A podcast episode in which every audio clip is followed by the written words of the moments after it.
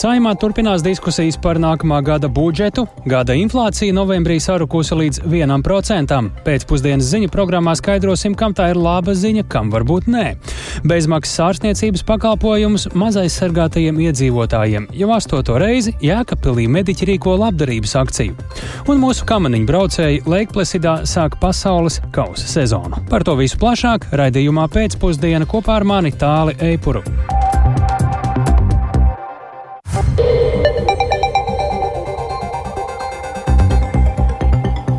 Pūkstens rāda 16,5 minūtes, skan pēcpusdienas ziņu programma, skaidrojot šodienas svarīgus notikumus. Studijā tāls eipurs. Labdien! Diena jau krietni otrajā pusē, bet deputāti saimā darbā pie valsts budžeta vēl nav izskatījuši pat trešdaļu no visiem priekšlikumiem. Atbalsta nav guvusi virkne opozīcijas priekšlikumu palielināt atalgojumu un citus labumus iekšlietu sistēmā strādājošajiem. Tāpat noraidīti vairāki ar eksportu un diasporu saistīti priekšlikumi. Debatēm saimā līdzi šodien sako kolēģi Paula Dēvids. Paula, stāsti lūdzu, kā deputātiem šobrīd sokas ar budžeta likumprojektu. Labdien! Jā, kā jau minēja, deputāti nav tikuši pāri pat uh, pirmajam simtam šobrīd un uh, ir izskatīti ap 50, uh, ap 80 priekšlikumiem un uh, kopējais priekšlikumu skaits tātad ir 356. Jā, uz priekšu neiet tik ātri, kā šķiet bija cerēts, jo sākotnēji plānoja budžetu pieņemt divās dienās. Tomēr līdz paša budžeta likuma skatīšanai saimā tika tikai šorīt pēc 19 pavadošo likuma projektu pieņemšanas, kas pārsvarā, ko, ko pārsvarā pieņēma vakar. Un jāsaka, ka dienas vidū tādas garas vai spraigas debatas izpalika, un vienbrīd jau šķita, ka deputāti pēc rīta cēliena mazliet varbūt taupa spēkus. Tomēr Tiklīdz sākās jautājumi, kas skar iekšlietu sistēmu, tā saimnes telpa atdzīvojās. Un debatēs, protams, opozīcijas deputāti tradicionāli izmanto iespēju pakritizēt koalīciju, arī izmanto dažādas spilgtas epitetus un stāsta dzīves stāstus, kas kā klausītājiem šo procesu varbūt savā ziņā padara jau interesantāku, un paklausīsimies apkopojumu no šodienas debatēm lielākā budžeta daļa aiziet vienotības ministrijā un pārējiem pēc pārpalikuma. Arī iekšienēji pēc pārpalikuma principa. Čakšs kundzei vajag dabon līdzekļus. Hosams Abumērī izredzēts. Kolēģi, jūs aizstāvat azartspēles, alkoholu, oligarhus un nevarat piešķirt 10 tūkstošus, 20 tūkstošus mūsu vēsturei? Mēs ar esošu iekšlietu ministru pazīstam jau sen. Mūsu komunikācija jau bijusi diezgan asa, tani laikos, pirms politikas.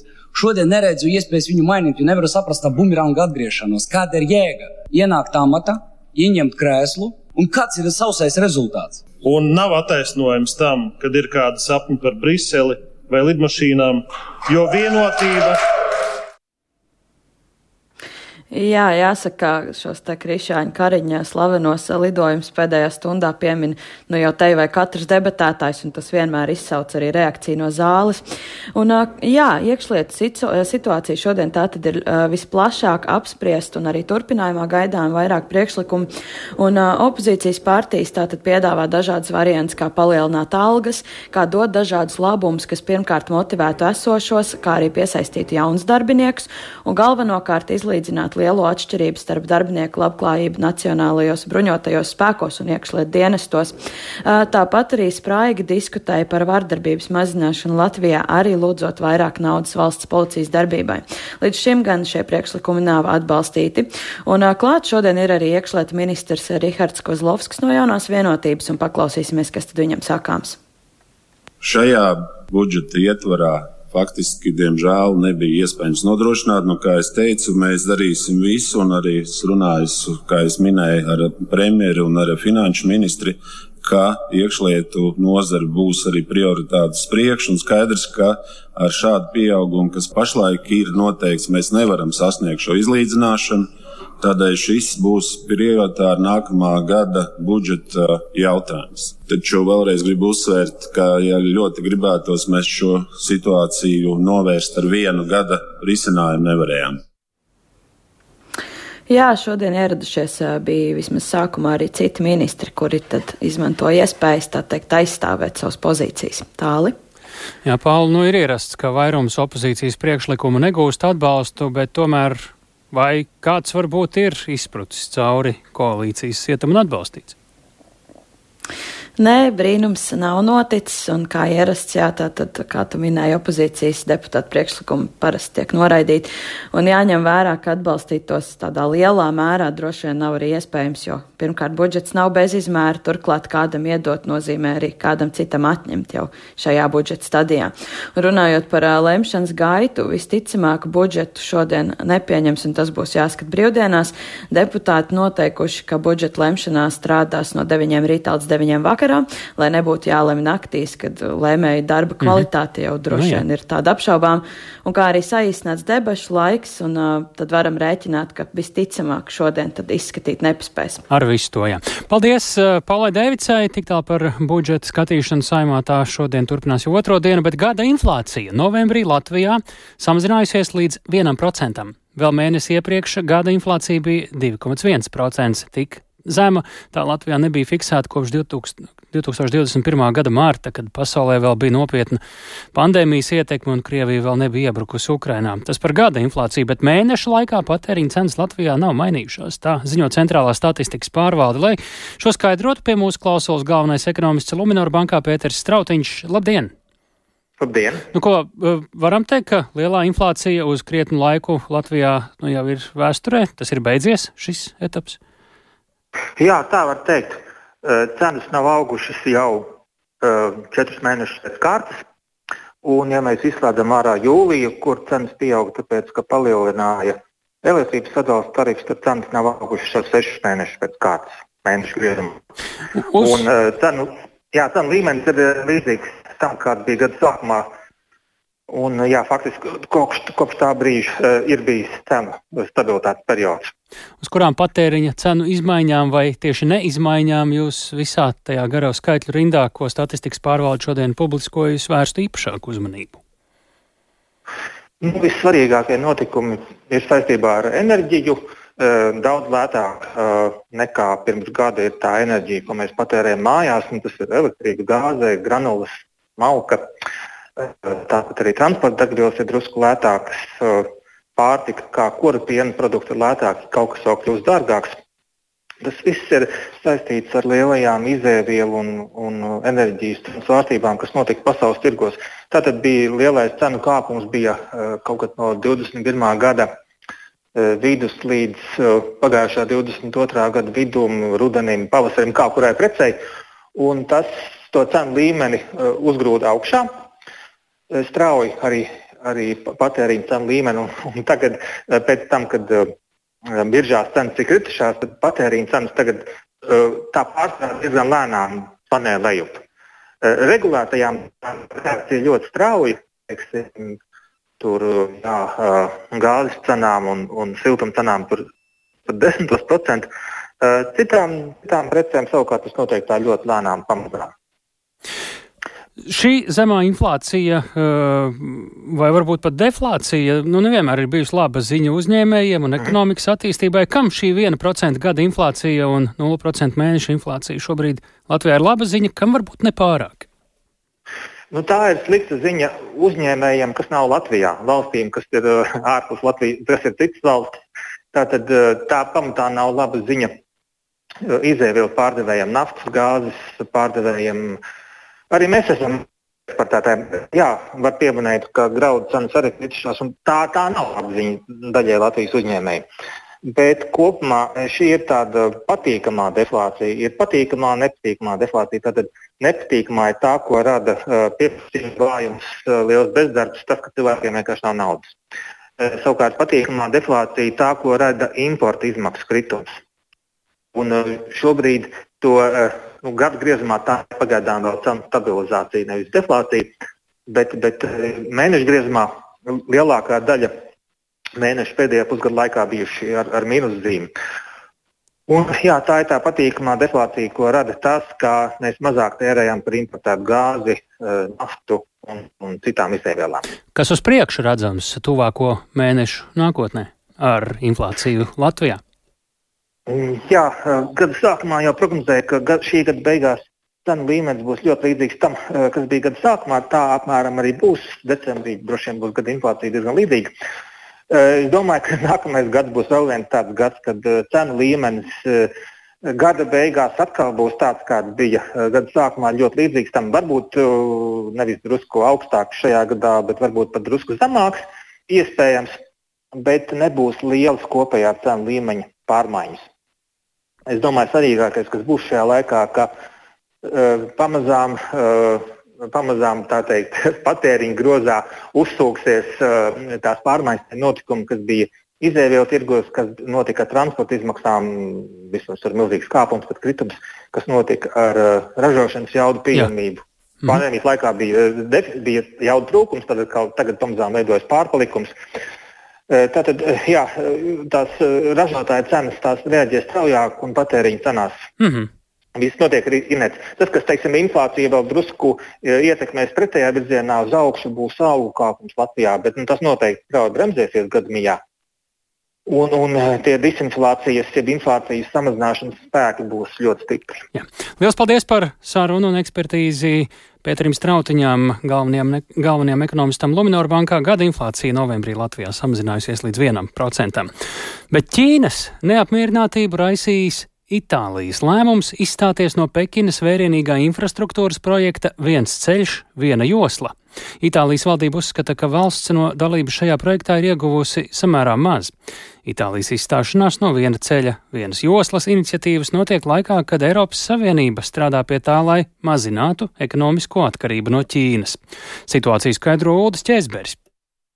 2019. gada martā Ķīnas prezidents Sīdziņpins ieradās Itālijas galvaspilsētā Romā, lai ar toreizējo valsts premjerministru Giuseppe Conti parakstītu vienošanos par Itālijas pievienošanos Pekinas finansētajam infrastruktūras projektam viens ceļš, viena josla, ko nereti dēvē arī par jauno zīda ceļu.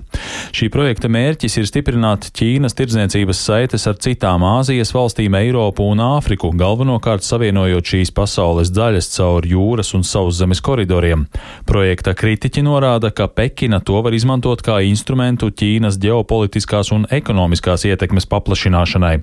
Itālija ir vienīgā industriāli attīstītā rietumu valsts, kas pievienojās šai iniciatīvai, cerot no tā gūt ekonomiskos labumus. Taču pērn pie varas nākusī Itālijas labējā valdība, ko vada premjerministre Džordža Meloni, uzstāja, ka dalība viena ceļa vienas joslas projektā nav nesusi cerētos ieguvumus. Jau pirms dažiem mēnešiem amatpersonas Romā izteicās, ka tiek meklēti veidi, kā izstāties no vienošanās. Meloni šonedēļ paziņoja, ka viņas valdība ir informējusi Ķīnu par vēlmi nepagarināt vienošanos ar Pekinu, kas noslēdzas nākamā gada martā. Es domāju, ka var un vajag uzturēt un uzlabot tirdzniecības un ekonomiskās sadarbības attiecības ar Ķīnu, taču no šī viedokļa viena ceļa, vienas joslas iniciatīva nav devusi gaidītos rezultātus. Savukārt Itālijas ārlietu ministrs Antonio Tajāni izteicās, ka citām Eiropas lielākajām ekonomikām, kuras nav pievienojušās viena ceļa, vienas joslas iniciatīvai, pēdējos gados tirzniecības rādītāji ar Ķīnu ir ievērojami labāki nekā Itālijai. Arī Itālijas un Ķīnas divpusējo attiecību pētnieks Filippo Fasulo uzskata, ka Romas pievienošanās viena ceļa, vienas joslas iniciatīvai bija kļūda. Pēc pievienošanās šai iniciatīvai Itālija rietumos tika uzlūkota kā vājākais posms Eiropas Savienības pozīcijā pret Ķīnu. Itālija pievienojās iniciatīvai ar mērķi stiprināt politiskās attiecības ar Pekinu un tādējādi veicināt tirzniecību un investīcijas no Ķīnas. Taču tā nenotika, daļēji arī Covid-19 pandēmijas dēļ. Tā vietā Itālija saņēma kritiku par pievienošanos jaunajam zīda ceļam, bet nekādu ieguvumu no tā nebija. Itālijas lēmums ir nepatīkams Pekinai. 释放了团结协作。开放共赢的清晰信号。Ķīnas ārlietu ministrijas runas vīrs Vans Veņbīns paziņoja, ka Pekina stingri iebilst pret mēģinājumiem nomelnot un sabotēt viena ceļa vienas joslas iniciatīvu. Bet Ķīnas vēstnieks Romā Dzjā Guidē brīdināja, ka Itālijas lēmumam būs negatīvas sekas. Savukārt Ķīnas valdības angļu valodā rakstošais propagandas rupors China Daily paziņoja, ka ASV ir piespiedusi Itāliju izstāties no jaunā zīda ceļa projekta. Šonadēļ Pekinā ieradās Eiropas komisijas prezidente Ursula Fonderleina un Eiropas Savienības padomes prezidents Šarls Mišels, lai tiktos ar Ķīnas prezidentu Sīdziņu Pinu. Leina uzsvēra, ka Ķīna ir Eiropas Savienības lielākais tirzniecības partneris, tāpēc abām pusēm esot jārisina domstarpības. Uldis Česberis, Latvijas radio. palīdz jauniešiem, kurus līdzcilvēki izvēlas neredzēt. Dot pieci labdarības maratonā šogad vācam ziedojumus grūtībās nonākušiem jauniešiem. Ieraksts sērijā par jauniešu pieredzi un risinājumiem šorīt Šodien tātad kāda nepilngadīga zēna stāsts. Jaunietis agrā vecumā ilgstoši lietojis alkoholu un marihuānu, tādēļ kavējas arī skolu un palicis uz otru gadu. Taču, pateicoties baiļu pārvarēšanai, viņam izdevies izrauties no nelabvēlīgās situācijas. Plašāk par vēršanos pēc palīdzības jauniešu nākotnes sapņiem un arī par to, vai viegli būt jaunam, Sintīs Ambotas ierakstā. Sabiedrisko mēdīju labdarības maratons dod pieci. Palīdz jauniešiem, kurus līdzcilvēki izvēlas neredzēt. Tas šķiet aizraujoši darīt kaut ko tādu, ko tu nevari darīt pēc likuma un pēc vispār sabiedrības normām. Tas tāpat kā paņemt pieaugušiem izlikt ar gumiju, adrenalīns. Bet jauniešiem pat nevajag likt ar to gumiju. Viņiem pietiek, ka nezinu, viņi tur paņem piedzerās, paņem, nezinu, tur nozog no veikala kaut ko, paņem nozog vecatstāvu cigaretes un tā kā, nu, Tas ir zadzis. Jā, kurš nav? Tas ir 16 gadus vecais Kaspars. Viņa vārds šajā stāstā ir mainīts, lai pasargātu nepilngadīgā jaunieša identitāti. Nonākot grūtībās, Kaspars vien 15 gadu vecumā pāris mēnešus bija alkohola reibumā teju katru dienu un neapmeklēja skolu. Klases biedrs iepazīstināja ar vienu cilvēku, kas nemācījās skolā, kas tur dzīvoja viens pats. Tur es apzinos vēl ar draugiem, un tad man tā kompānija izveidojās katru dienu eju, nāc iedzert, ejam iedzert. Man jau no paša bērnības skola nepatīk. Es esmu tāds cilvēks, kas nevar nosēdēt skolā tās cik tur stundas. Tāpēc man bija tāds, labi, man līdz stunda beigsies, otrā, tur trešais atskriešu pie jums. Un viss, un tad es aizēju uz turieni, un tad tikai kaut kādos 9, 8 atbraucu mājās, un tas viss bija piedzēries pa dienu, noguļu līdz vakaram, kaut cik skaidri atbraucu mājās. Un jā, un manuprāt, tā skaitījās man kā atkarība. Kā jūs dabūjāt alkoholu? Man tas draugs bija pilngadīgs. Un nauda? Uzsauca viņš. Par sevi Kaspars saka, ka izaicinājumi viņa dzīvē sākušies ap 14 gadu vecumā, bet ģimeni viņš tajā nevaino. Tiešām man ir brīnišķīgi vecāki, ļoti saprotoši, ļoti atbalstoši. Nu, Māma ir vājdzirdīga, tēvs nedzirdīgs, bet tas nekā neietekmē mūsu saziņas veidus, tāpēc, kad vecāki ir apkārtiem dzird kaut cik. Un attiecības tavuprāt, attiecības man, ir, man ir ļoti labas. Jā. Turpinot par iemesliem, kāpēc jaunietis lietojas gan alkoholu, gan marihuānu, gan elektroniskās cigaretes agrā vecumā, viņš piekodina, ka aplams ir uzskats, ka jaunietim tā tad trūcis uzmanības, lai gan iemesli šādai rīcībai ir daudz dziļāki. Kaspars pats lūdza palīdzību, jo sāka just spēcīgu trauksmi. Kopš tiem 15, 14 gadiem, kā es atceros, man ik pa laikam vienkārši uznāca tāds tā kā nežēlīgs grūzis. Es biju, es biju ļoti bieži nomākts, jā, un tad man pienāca tie 15, un kad es dzēru, es pamanīju to, ka kā, nu, es jūtos laimīgs. Tas palīdzēja aizbēgt no tās sajūtas, un vispār kopumā kā no realitātes. Es esmu jau pats sācis mācīties, kā to tikt galā. Nu, manā situācijā tas ir psihoterapeits, jo pie psihologiem esmu arī gājis skolas laikos, kad bija mazāks vēl. Nav jēga tavā pieredzē? Jā, manā pieredzē. Tu aizēji pastāstīt, kā tu jūties. Viņi tev iedod, nezinu, tur kaut kādu testu izpildīt, pakrāsot kaut kādus cilvēciņus un visu. Tu tā lieta psihoterapeiti. Noteikti tā terapijas daļa tev saka visādus ieteikumus, kā tu vari sākt uzlabot situāciju. Jaunietis saka, ka ģimenei vienai pašai bijis grūti ietekmēt viņa uzvedību. Vecāki satraukušies par viņa klaiņošanu un skolas kavēšanu, bet Kaspars no nopietnajām sarunām vienmēr izvairījies. Rezultātā viņam bija skolas vasaras darbi, lai labotu vērtējumu 11 priekšmetos, ar ko Kaspars netika galā un palika uz otru gadu 8. klasē. Tas no sākuma man tā bija tāds tīri vienalga līdz pagājušās vasaras sākumā, jā, kad redzēju, ka visi mani vecie klases bija tur ko bildēs, tur izlaidumā un tā tālāk. Tas man kā būtiskā nozīmē satries vienkārši. Es varēju būt tur ar viņiem, pabeigt mm. to devīto klasi, domāt ar viņiem kopā, ko tālāk iet. Tas bija viens no jā, tādiem iemesliem, kas man lika sev sakārtot un kā pateikt, kā jau man jāsaņemās šogad pēdējais gads. Es gribu pabeigt vidusskolu, pabeigt universitāti un doties uz Angliju, strādāt pa modes apģērba dizaineri.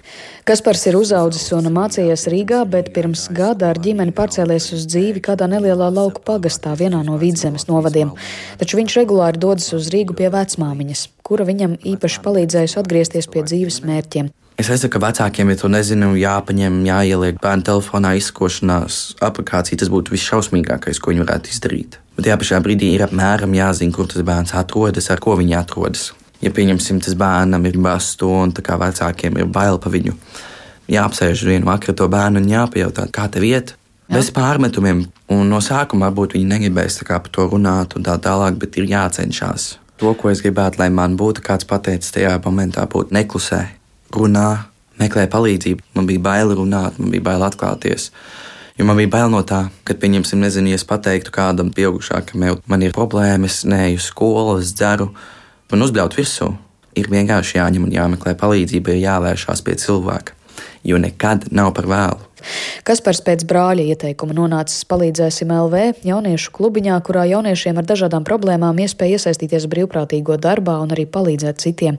Organizācijas vadītāja Ilza Skuja secina, ka jauniešu sabiedrībā nav prioritāte. Ikdienā saskaroties, piemēram, daudz eh, grūtāk uzrunāt sabiedrību, atbalstītājs uzņēmējus, palīdzēt jaunietim kaut kādās problēmas risināt. Parasti tie ir bērni, kuriem mūsu sirdis ir atvērtas, bet jaunietis sabiedrībai šķiet, tā ir jāvan ģimenes problēma, vai arī pašam jātiek ar šo savu grūtību galā. Kā man šķiet, ka kampaņā šī gada tēma iespējams vērsīs lielāku tādu uzmanību tieši uz jaunieti, un, manuprāt, viņam šobrīd ir vissarežģītāk izdzīvot tādā pasaulē, kurā ir tik daudz visādu gan vilinājumu, gan piedāvājumu, gan problēmu. Palīdzēsim LV jauniešu klubiņā atbalstu pastāvīgi saņem ap simt jauniešu vecumā no 13 gadiem. Organizācijas redzeslokā viņi nonāk pēc sociālo dienestu, reģionālo jauniešu centru, vecāku vai citu jauniešu ieteikuma. Sinti Ambote, Latvijas radio. Sabiedrisko mēdīju labdarības maratons dod pieci. Palīdz jauniešiem, kurus līdzcilvēki izvēlas neredzēt. Nu, par kādu citu veidu palīdzību, lai bez maksas sniegtu ārstniecības pakalpojumus mazāk aizsargātajiem iedzīvotājiem, Jēkabpilī notiek divu dienu labdarības akcija dzīvo vesels. Tajā spēkus apvienojuši ārsti un medicīnas personāls. Šogad tā iecerēts palīdzēt ap 90 pacientiem. Plašāk Sandras Paegļkalnas sižetā. Šī tā lieta nesāp. Tā, tā kā Labdarības akcijā dzīvo vesels ārsti un medicīnas personāls sniedz bezmaksas konsultācijas, medicīnas pārbaudes un operācijas sociāli mazaizsargātajiem iedzīvotājiem, pensionāriem, cilvēkiem ar invaliditāti un politiski represētajām personām. Aktivitāte Jēkabpilī jau kļuvusi par tradīciju, kas norit jau astoto reizi. Pārtraukums bija vien dažus gadus, stāsta akcijas iniciators traumatologs ortopēds Kaspars Ūdris. Iepriekšējos gados druscīt bija ierobežojumi sakarā ar Covid laiku, un tāpēc nācās to procesu atlikt uz, uz brīdi. Šobrīd mēs cenšamies iet atpakaļ, tā kā mēs to darījām, un atjaunot mūsu plānus. Akcija norit Jēkabpils reģionālajā slimnīcā, tādēļ lielākā daļa iesaistīto ārstniecības personu ir slimnīcas darbinieki, bet labdarības iniciatīvai atsaukušies arī speciālisti no citām Latvijas pilsētām un pat ārvalstīm. Lielākā daļa ārstu, kas iesaistās akcijā, ir traumatologi ortopēdi. Pirmajā akcijas dienā speciālisti konsultēja pacientus ar locītavu deģeneratīvajām izmaiņām, traumām, muskuļa cīpslu, saišu plīsumiem, kā arī citām problēmām. Lielākā daļa pacientu ierodas ar jau ielaistām kaitēm, uzsver traumatologs ortopēds Aldis Šperliņš. Slimnieki netiek pie ārstiem vai nu, rindu dēļ vai, vai materiālu iemeslu dēļ. Braukšana no laukiem tikt pie ārsta ir arī grūti un dārgi. Viss tas kopā rada, ka nu, cilvēks, ja, ja nu galīgi vēl var paiet, tad ir sevišķi lauka cilvēks, kurš ir pieredzējis visu mūžu strādāt, teiksim, viņš nu, ir gatavs ciest līdz pēdējiem. Arī Jēkabils novada Dunavas pagasta iedzīvotājs Vilnis ikdienā sadzīvo ar sāpēm. Man ir problēma traukot no muguras, operācija taisīja mugurā, kājā. Sāpes moka. Jā, zālēm, zālēm jādzīvo. Paldies, ka viņi apbrauc tādi. Arī Jēkabaliete Vija novērtēja iespēju tikt pie ārsta bez maksas. Ļoti labi. Vismaz pensionāri var invalīdi. Tas ir vairāk kā skaidrs. Ļoti labi. Ar kādu problēmu jūs esat ieradusies pie ārsta? Pie traumatologa sprandasām. Akcijas pirmajā dienā uz konsultācijām pie traumatologiem un pie ķirurga bija pieteikušies 65 pacienti, bet 5 no viņiem neieradās. Desmit pacientiem tika piedāvāta bezmaksas operācija, bet trīs pacienti no tās atteicās, tādēļ akcijas laikā kopumā tiks veiktas septiņas bezmaksas operācijas. Gatavojoties ķirurģiskajai manipulācijai, pacientiem tika veiktas analīzes, kardiogramma, plaušu rengens un anesteziologa konsultācija, stāsta viens no akcijas dalībniekiem - anesteziologs, reanimatologs Mareks Andruškevičs. Konsultācijās mēs tāpat kā e, ikdienu ambulatorijās konsultācijās pārunājam pacienta veselības stāvokli un e, optimizējam to iespēju robežās, lai operācijas laikā veselības stāvoklis būtu maksimāli labs un arī izrunājam anestēzijas taktiku un izrunājam, kā tieši jāgatavojas pacientam uz operāciju. Labdarības akcijā bezmaksas pārbaudes tiek nodrošinātas arī cilvēkiem ar redzes problēmām. Kopumā redzi plānots pārbaudīt vairāk nekā 20 pacientiem. Pirmo reizi akcijā piedalās optometriste Jeļena Stūriška. Protams, klasiski mēs pārbaudam, kā redz, jā, līdz ar to, ja ir vajadzīgs, mēs varam izrakstīt arī vajadzīgās brilles, bet mums noteikti līdzi ar aparātu mēs izmēram acu spiedienu, kas ir ļoti būtisks un īstenībā ikvienam reiz gadā būtu jāizdara, jā, un lieliski iespējams arī uztaisīt arī tīklens fotografiju, paskatīties acis dziļumā. Ja? Nofotografējam to centru, un, ja ir kāda patoloģija, tad uzreiz piedāvājam arī apmeklēt eh, dziļākai izmeklēšanai uz speciālistu. Bet tāds ātrais skrīnings, lai saprastu, vai ir mierīgi, vai ar steigu varbūt jāiet tālāk skatīties. Labdarības akcijas norisi atbalsta Jākapils reģionālā slimnīca un tās darbinieki, savukārt finansiālu palīdzību sniedz Jākapils novada pašvaldība. Daudziem iedzīvotājiem ārstu pieejamība ir apgrūtināta, tādēļ organizatori plāno šādu labdarības akciju īstenot arī turpmāk. Sandra Pēgļkalne speciāli Latvijas radio Latgales studijai. Bet dažkārt pēc palīdzības jāvēršas pie policijas. Sniega kaudzes un nekārtība Rīgā Nordeķu parkā ir izgāzis daudz sniega un smilšu, kurā visticamāk ir arī uz ielām kaisītais un augiem kaitīgais sāls. Par notikušo trauksmi cēlus apkaimes biedrība, sakot, ka tik brutālu attieksmi viņi vēl nav pieredzējuši. Iedzīvotāji ir vērsušies pašvaldībā un policijā. Aizdomas krīt uz uzņēmumu, kas pie parka būvē piektā tramvaja līniju. Ar parka apsaimniekotāju uzņēmumu Rīgas mēži sniega izgāšana nav saskaņota. Plašāk Viktora Demidova ierakstā.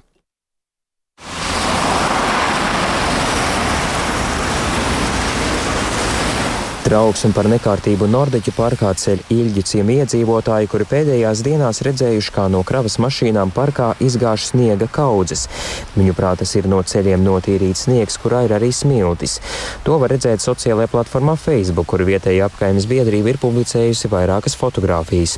Kadros redzamas arī kravas mašīnas un to numuri. Turpina dzircim un ciemu apkaimju biedrības valdes locekle Agrita Kjopa. Nu, kā vispār var ienākt kādam prātā uz zaļas zāles? Parka teritorijā, kur tie cilvēki pastaigāties ar bērniem, suņiem, sagāzt cāļu sniegu. Nu, iedomājieties, kas tur būs, kad viss tas sals aizies zemē, tur viss iznīks. Nu, nu, tik brutāli neviens nav rīkojies. Saprotam, ka var kļūdīties, bet nu, tās kļūdas vajadzētu labot un to sniegu no turienes raiti aizvākt. Par iespējamo kaitējumu vidē ir satraukušies arī uzņēmumā Rīgas meži, kas parku apsaimnieko. Viņu prāt sniegs ir atvests no sloks ielas, kur ceļu kājas ar smilts un sāls maisījumu. Vakar viņi vērsušies pie kravas mašīnu īpašniekiem un lūguši to nekavējoties aizvākt. Aizdomas krīt uz būvniekiem, kas pārbūvē piektā tramvaja līniju, turpina Rīgas meža pārstāve Ieva Bērziņa. Tuvējā teritorijā notiek būvniecības darbi, un ka visticamāk teritoriju vajadzēja atbrīvot no sniega, un tāpēc operatīvi tas tika atvests pie mums, bet mēs arī norādām, ka pilsētā ir daudz oficiāls sniega izvešanas vietas, un būvnieki varēja vest uz tām nevis nu, diezgan klaji nekaunīgi izgāzt šo sniegu mūsu apsaimniekotajās teritorijās teritorijās un tikai pēc tam uh, atzīt savu vainu, ka tas tā ir izdarīts. Mums jāuzsver, ka šī sniega izvešana nekādīgi ar mūsu uzņēmumu nebija saskaņota. Pie parka piegulošo piektā tramvaja līniju pārbūvē uzņēmums ACB, kas sižeta tapšanas laikā Latvijas radio komentāru nav sniedzis. Par notikušo vietējie iedzīvotāji ir vērsušies arī pašvaldības policijā. Likumsargi Latvijas radio atbildēja, ka uzņēmums apņēmies sniegu aizvest uz glabāšanas vietu vietu Rumbulā. Notikušo policija turpina vērtēt. Savukārt apkaimju biedrībā ziņo, ka sniegu no parka jau sāka izvest. Kopumā nedēļas laikā no Rīgas ielām, stāvvietām un citām vietām ir izvesti vairāk nekā 32 tūkstoši kubikmetru sniega, no kuriem aptuveni pusi izvede kopš otrdienas. Tās pilsētai izmaksāja ap pusmiljonu eiro. Tā informē pašvaldībā norādot, ka sniegu ved uz speciāli paredzētām vietām, piemēram, Zaķu salā un Kleistu ielā. Viktors Demidovs, Latvijas radio.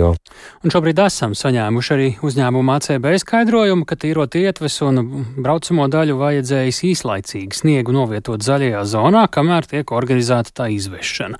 Uzņēmums sola sniega izvešanu pabeigt līdz nākamās nedēļas sākumam. Bet tikai katrā trešajā mājoklī, kurā izcēlies ugunsgrēks, ugunsdzēsēji aizvadītajā gadā konstatējuši, ka ir uzstādīts dūmu detektors. Lai situāciju labotu, Ugunsdzēsības un glābšanas dienas rīkos informatīvu kampaņu par dūmu detektoru nepieciešamību. Kampaņas nosaukums izglāb dzīvību, uzstādi un regulāri pārbaudi dūmu detektoru. Kā notiks kampaņa, par to iztaujāsim dienesta prevencijas un sabiedrības informēšanas nodaļas vecāko inspektoru Sandru Vējiņu. Labdien! Labdien! Kā notiks kampaņa? Tie būs uzsaukumi sociālos tīklos vai kāda reāla došanās pie iedzīvotājiem, uzņēmumiem? Nu, teikšu tā, ka viss kopā, jo sākot ar svētdienu, jeb otro adventu 10. decembri, visos izsaukumos uz dzīvojamo sektoru visā Latvijā ugunsdzēsēji glābēji būs tie, kas atgādinās iedzīvotājiem par ugunsdrošības prasībām mājoklī, bet īpaši dūmu detektoru nozīmību. Ja mājoklī būs uzstādīts dūmu detektors, tad kopīgi ar mājokļa iemītniekiem pārbaudīsim dūmu detektoru darbspēju, jo tas ir tas varbūt darbiņš, kurš bieži vien mums ir piemirsies. Savukārt tajos mājokļos, kur būs izcēlies neliels liels ugunsgrēks eh, un dūmu detektors nebūs uzstādīts. Mūsu kolēģi šos dūmu detektorus uzdāvinās un, ja vien būs iespējams, arī uzstādīs. Eh.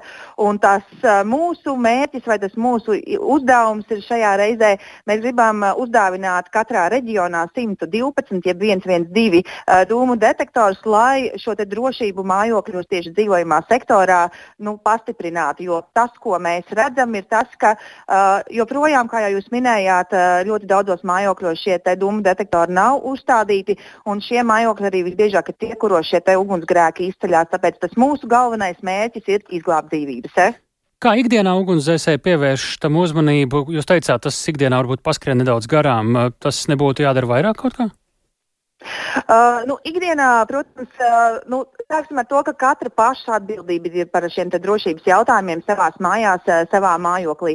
Un, uh, tas ikdienas uzdevums ir uh, tāds, ka ugunsdrošības uh, noteikumi nu, jau gandrīz pilnus četrus gadus nosaka to, ka mums mājās ir jābūt uzstādītam šiem dūmu detektoriem. Mūsu atbildība ir tā, ka mēs rūpējamies par to, lai šī te, piemēram, uh, pārbaude notiktu un arī mēs pieskatītu savu dūmu detektoru mājoklī, kad šī krona jeb baterija tiktu nomainīta.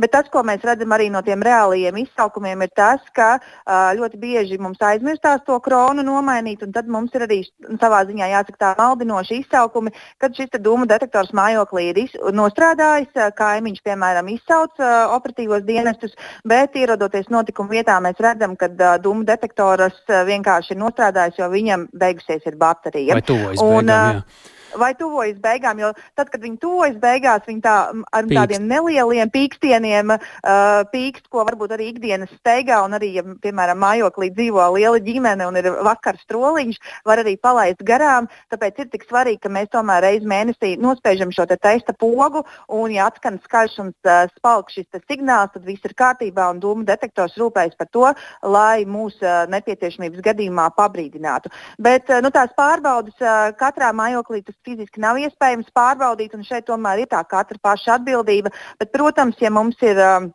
Uh, iesniegums no iedzīvotāja mēs, mēs dodamies un pārbaudām, bet uh, nu, šeit vairāk uh, joprojām mēs strādājam ar šo konsultēju vispirms uh, priekšrakstu, jo mūsu mērķis nav sodīt, bet mēs gribam, lai šie dūmu detektori būtu mājokļos. Eh? Kur cilvēki, kuriem nav skaidrs, vai, piemēram, nospiežot šo pogu un pārbaudot, varēs to, klusin, to detektoru arī apklusināt, kur nopirkt bateriju vai kā ielikt, cik viegli tas viss vai sarežģīti, kur ir pamatinformācija pieejama? Pamatinformācija, protams, ir pieejama arī uh, glābšanas dienesta mājaslapā, bet vislabāk ir, piemēram, kad šis dūmu detektors tiek nopirkts, izlasīt lietošanas instrukciju, jo tur viss ir sīk un smalki aprakstīts, kur izvietot, kā labāk izvietot, kāda baterija ir nepieciešama. Un uh, šos dūmu detektorus tad ir iespējams nopirkt uh, sadzīves preču veikalos, uh, lielākos, mazākos. Uh, ir iespējams nopirkt būvniecības veikalos, pat, man liekas, benzīna tankos. Līdz ar to tā pieejamība ir vienkārši ir jāpievērš uh, uzmanība. Un arī šīs baterijas kronas, nu, vismaz es arī savos piemājas veikalos esmu viņus manījis. Līdz ar to nu, tā pieejamība ir vienkārši jāatcerās un varbūt darāmo uzdevumu Labi. sarakstā jāieliek un jāpaveic. Paldies! Ļoti labi, ka šī kampaņa tieši pirms svētkiem mēs sarunājāmies ar Sandru Vējiņu, valsts ugunsdzēsības un glābšanas dienas prevencijas un sabiedrības informēšanas nodaļas vecāko inspektori. Bet nu, no kaut kā uh, ugunīga pie kaut kā ledus augsta. Uh, pilnā sastāvā ASV Lekplasidā šodien pasaules kausa izcīņas pirmajā posmā startē Latvijas kamaniņu sporta izlase. Treneris Zinta Šaicāna vadībā plānots startēt visās disciplīnās, un sacensības šodien jau ir sākušās. Tūdaļ gaidāms Skatāmies otrais brauciens gan dāmu, gan kungu divniekiem, bet vakarā vēl sacīks arī vīriem vieniniekos, un posms turpināsies arī vēl rīt. Tāpēc jau uz karstām pēdām vai sliecēm varam jautāt kolēģim Mārtiņam Kļavniekam, kā tad Latvijas kamaniņu divniekiem nu, jau ir gājis pirmajā braucienā. Sveiks, Mārtiņ! Sveiks, tāls, sveicināt arī Latvijas radio klausītāji. Nu, kungi pagaidām aizdujuši pirmo braucienu, dāmas tuliņi jau dosies trasē aizdījis pirmo braucienu, bet nu, visai labi pirmajā Latvijas ekipāžai divniekos ir gājis Robert, Mārtiņš Bots, Roberts Plūme, ceturtie šobrīd ir. Apsteidz viņi, piemēram, titulētus vāciešus, ritājus, nu, tur diezgan tāda nav stabila pozīcija, jo tas pirmais piecinieks ļoti blīvs ir, bet, nu, diemžēl um, Lukas, Lukas Krasts un Edvards Ševits, Mikaļs Ševits pēdējie 14. bet, nu, ar visām iespējām uzlabot savu sniegumu otrajā braucienā. Tā kā gaidām pirmo braucienu dāmām, pēc tam otrais brauciens gan kungiem, gan dāmām. Un pēc tam nākamie starti vēl rīt arī tā skaitā? Jā, un šodien vīriem vēl vakarā jā. gaidāms arī starts, un pēc tam savukārt nākamie, jā, rītdien gaidāmi. Ja precīzi par pulksteņu laikiem, tad 19.41. brauciens vīriešiem kungiem sāksies, nu, tad rītdien brauks dāmas, un kungi arī sprinta kausu, arī tāpat arī, jā, nu, dāmas sacensties arī viennieku braucienos, ne tikai sprinta kausā. Tas vakarā pēc Latvijas laika, jo Amerikā tad vēl ir diena ar kādām ambīcijām tad latvieši sāk šo sezonu, vai tie mērķi ir visaugstākā kaluma godalgas katrā posmā, katrā disciplīnā, vai tur tā mazāk? Jā, viennozīmīgi, jo pagājusī un aizpagājusī sezona bija ļoti medaļām bagāta Latvijas kamaniņu izlasē, nu tā, protams, ka viņi vēlas arī turpināt, un ir arī pamats komanda, teiksim tā, tajā ir notikusi paudžu maiņa, tagad jau vecākie dalībnieki ir Kristers un Kendija aparjodi, proti Kendija aparjodi laikam sanākus vecākā, dāmām nav pieklājīgi teikt gadus, bet 27 ir viņai, Kristeram aparjodam 25, līdz ar to salīdzinoši vēl jauni atlēti ir visvecākie komandā, savukārt pārējie tad ir jauni jaunāki. Nu, šodien arī Frančiska Bona, jaunākā, viena no jaunākajām komandas dalībniecēm, kvalificējās caur, um, caur kvalifikāciju arī pasaules kausa rītdienas sacensībām, dāmām pamatsacensībām. Viņa bija vienīgā no komandas, kur, kur to nebija izdarījusi. Nu, bet tas iekšējais mērķis ir vairot tādu veselīgu konkurenci, lai tie rezultāti būtu arvien labāki. Un par to vairāk stāst izlases galvenais treneris Zints Šaicāns. Tas darbs, kas ir ieguldīts, un tas tehniskais darbs, kas ir ieguldīts šobrīd uh, trasē, rāda ļoti labu sniegumu tieši izlases līderi. Tas ir Kristers Aparjots, Mārtiņš ar Robertu, meiteņu divnieks. Ja, un, uh, ļoti priecē tas, ka uh, nacionālās izlases līderi tā saucamie attīstās, bet uh, otrie numuri, respektīvi, vēl vairāk nāk klāt, un tas uh, kopumā to veido to dinamiku vēl lielāku tajā izlasē. Tas ir tas uzsvars, uz ko, ir, ko mēs liekam, ne, lai tā komanda kopumā ir tā iekšējā konkurence mazā vai ne? Bet lai tā iekšējā konkurence ir tāda pozitīvā aurā, lai ne, nav, nav nekāda, kā saka, savstarpējo naida, teiksim tā, lai viens otram neuzbrūk pa kaut kādām konkrētām lietām, vai ne? Tas veicinās rezultātu. Tāds ir tas viens no mērķiem arī. Tālāk Zīns Šaicāns, Latvijas kamaniņu sporta izlases galvenais treneris. Un jāsaka tā, ka viņš bija pārsteigts arī par to, ka Lakeplace'idas treniņu braucienos gāja latviešiem, jo tikai jau minētie Kristers un Kendija aparjodi tur bija bijuši pirms tam pārējie visi pirmo reizi. Un Lakeplace'ida ir viena no sarežģītākajām trasēm pasaulē un arī ļoti ātri pie tam. Nu, tur ir ātri jāaptver lietas un jāsaprot likumsakarības, lai nebūtu kritienu, sasitumu, zilumu vai kaut kas vēl nedodies vairāk. Nu, Siguldi arī droši vien nav ļoti vienkārši trast. Bet kad un kur tad ir nākamie posmi, kāda izskatās šī sezona? Es pieļauju Ziemeļamerika, tad izdevīgi būtu arī uz Kanādu tagad aizbraukt. Jā, Vistlera pēc tam, jā, 14. līdz 16. decembris, pilnīgi pareizi tālu. Pēc tam savukārt jāatgriežas Eiropā pēc jaunā gada, tur rindas kārtībā Vācija un tikai Vācija, gan arī Vinterberga, Oberhof, Altenberga, kas arī pasaules čempionāts, vēlreiz Altenberga, tad Innsbruck, Austrijā, Oberhof, vēlreiz Vācija. Sezona noslēgsies Siguldā ar diviem pasaules kausa pēdējiem posmiem pēc kārtas. Vācijas sacensības ar nelieliem izņēmumiem Siguldā un Amerikā. Vācijas atklātais čempionāts. Jā, apmēram tā. Tā sanāk kamanīgi sportā šoreiz, eh, bet eh, tā jau arī ilgi arī vēsturiski ir pietiekami bijis. Šobrīd sakām paldies Mārtiņam Kļaviniekam, eh, runājam par to, ka šodien sāks pasaules kausa izcīņa kamaniņu sportā šī sezona, bet šobrīd sakām paldies klausītājiem, ka bijāt kopā ar mums gan šodien, gan šajā nedēļā redījumā pēcpusdiena. To veidojām mēs Tāls Eipurs, Lauris Zvejnieks, Uldis Grīmbergs, Katrīna Bramberga, un, ja vēlties šo pārraidi noklausīties vēlreiz, meklējiet dienas ziņas Latvijas radio mobilajā lietotnē un klausieties sev vērtā laikā vai dalieties ar kādu citu. Mēs tiekamies atkal pirmdien, kā katru darbdienu pēc ziņām 4 un 5.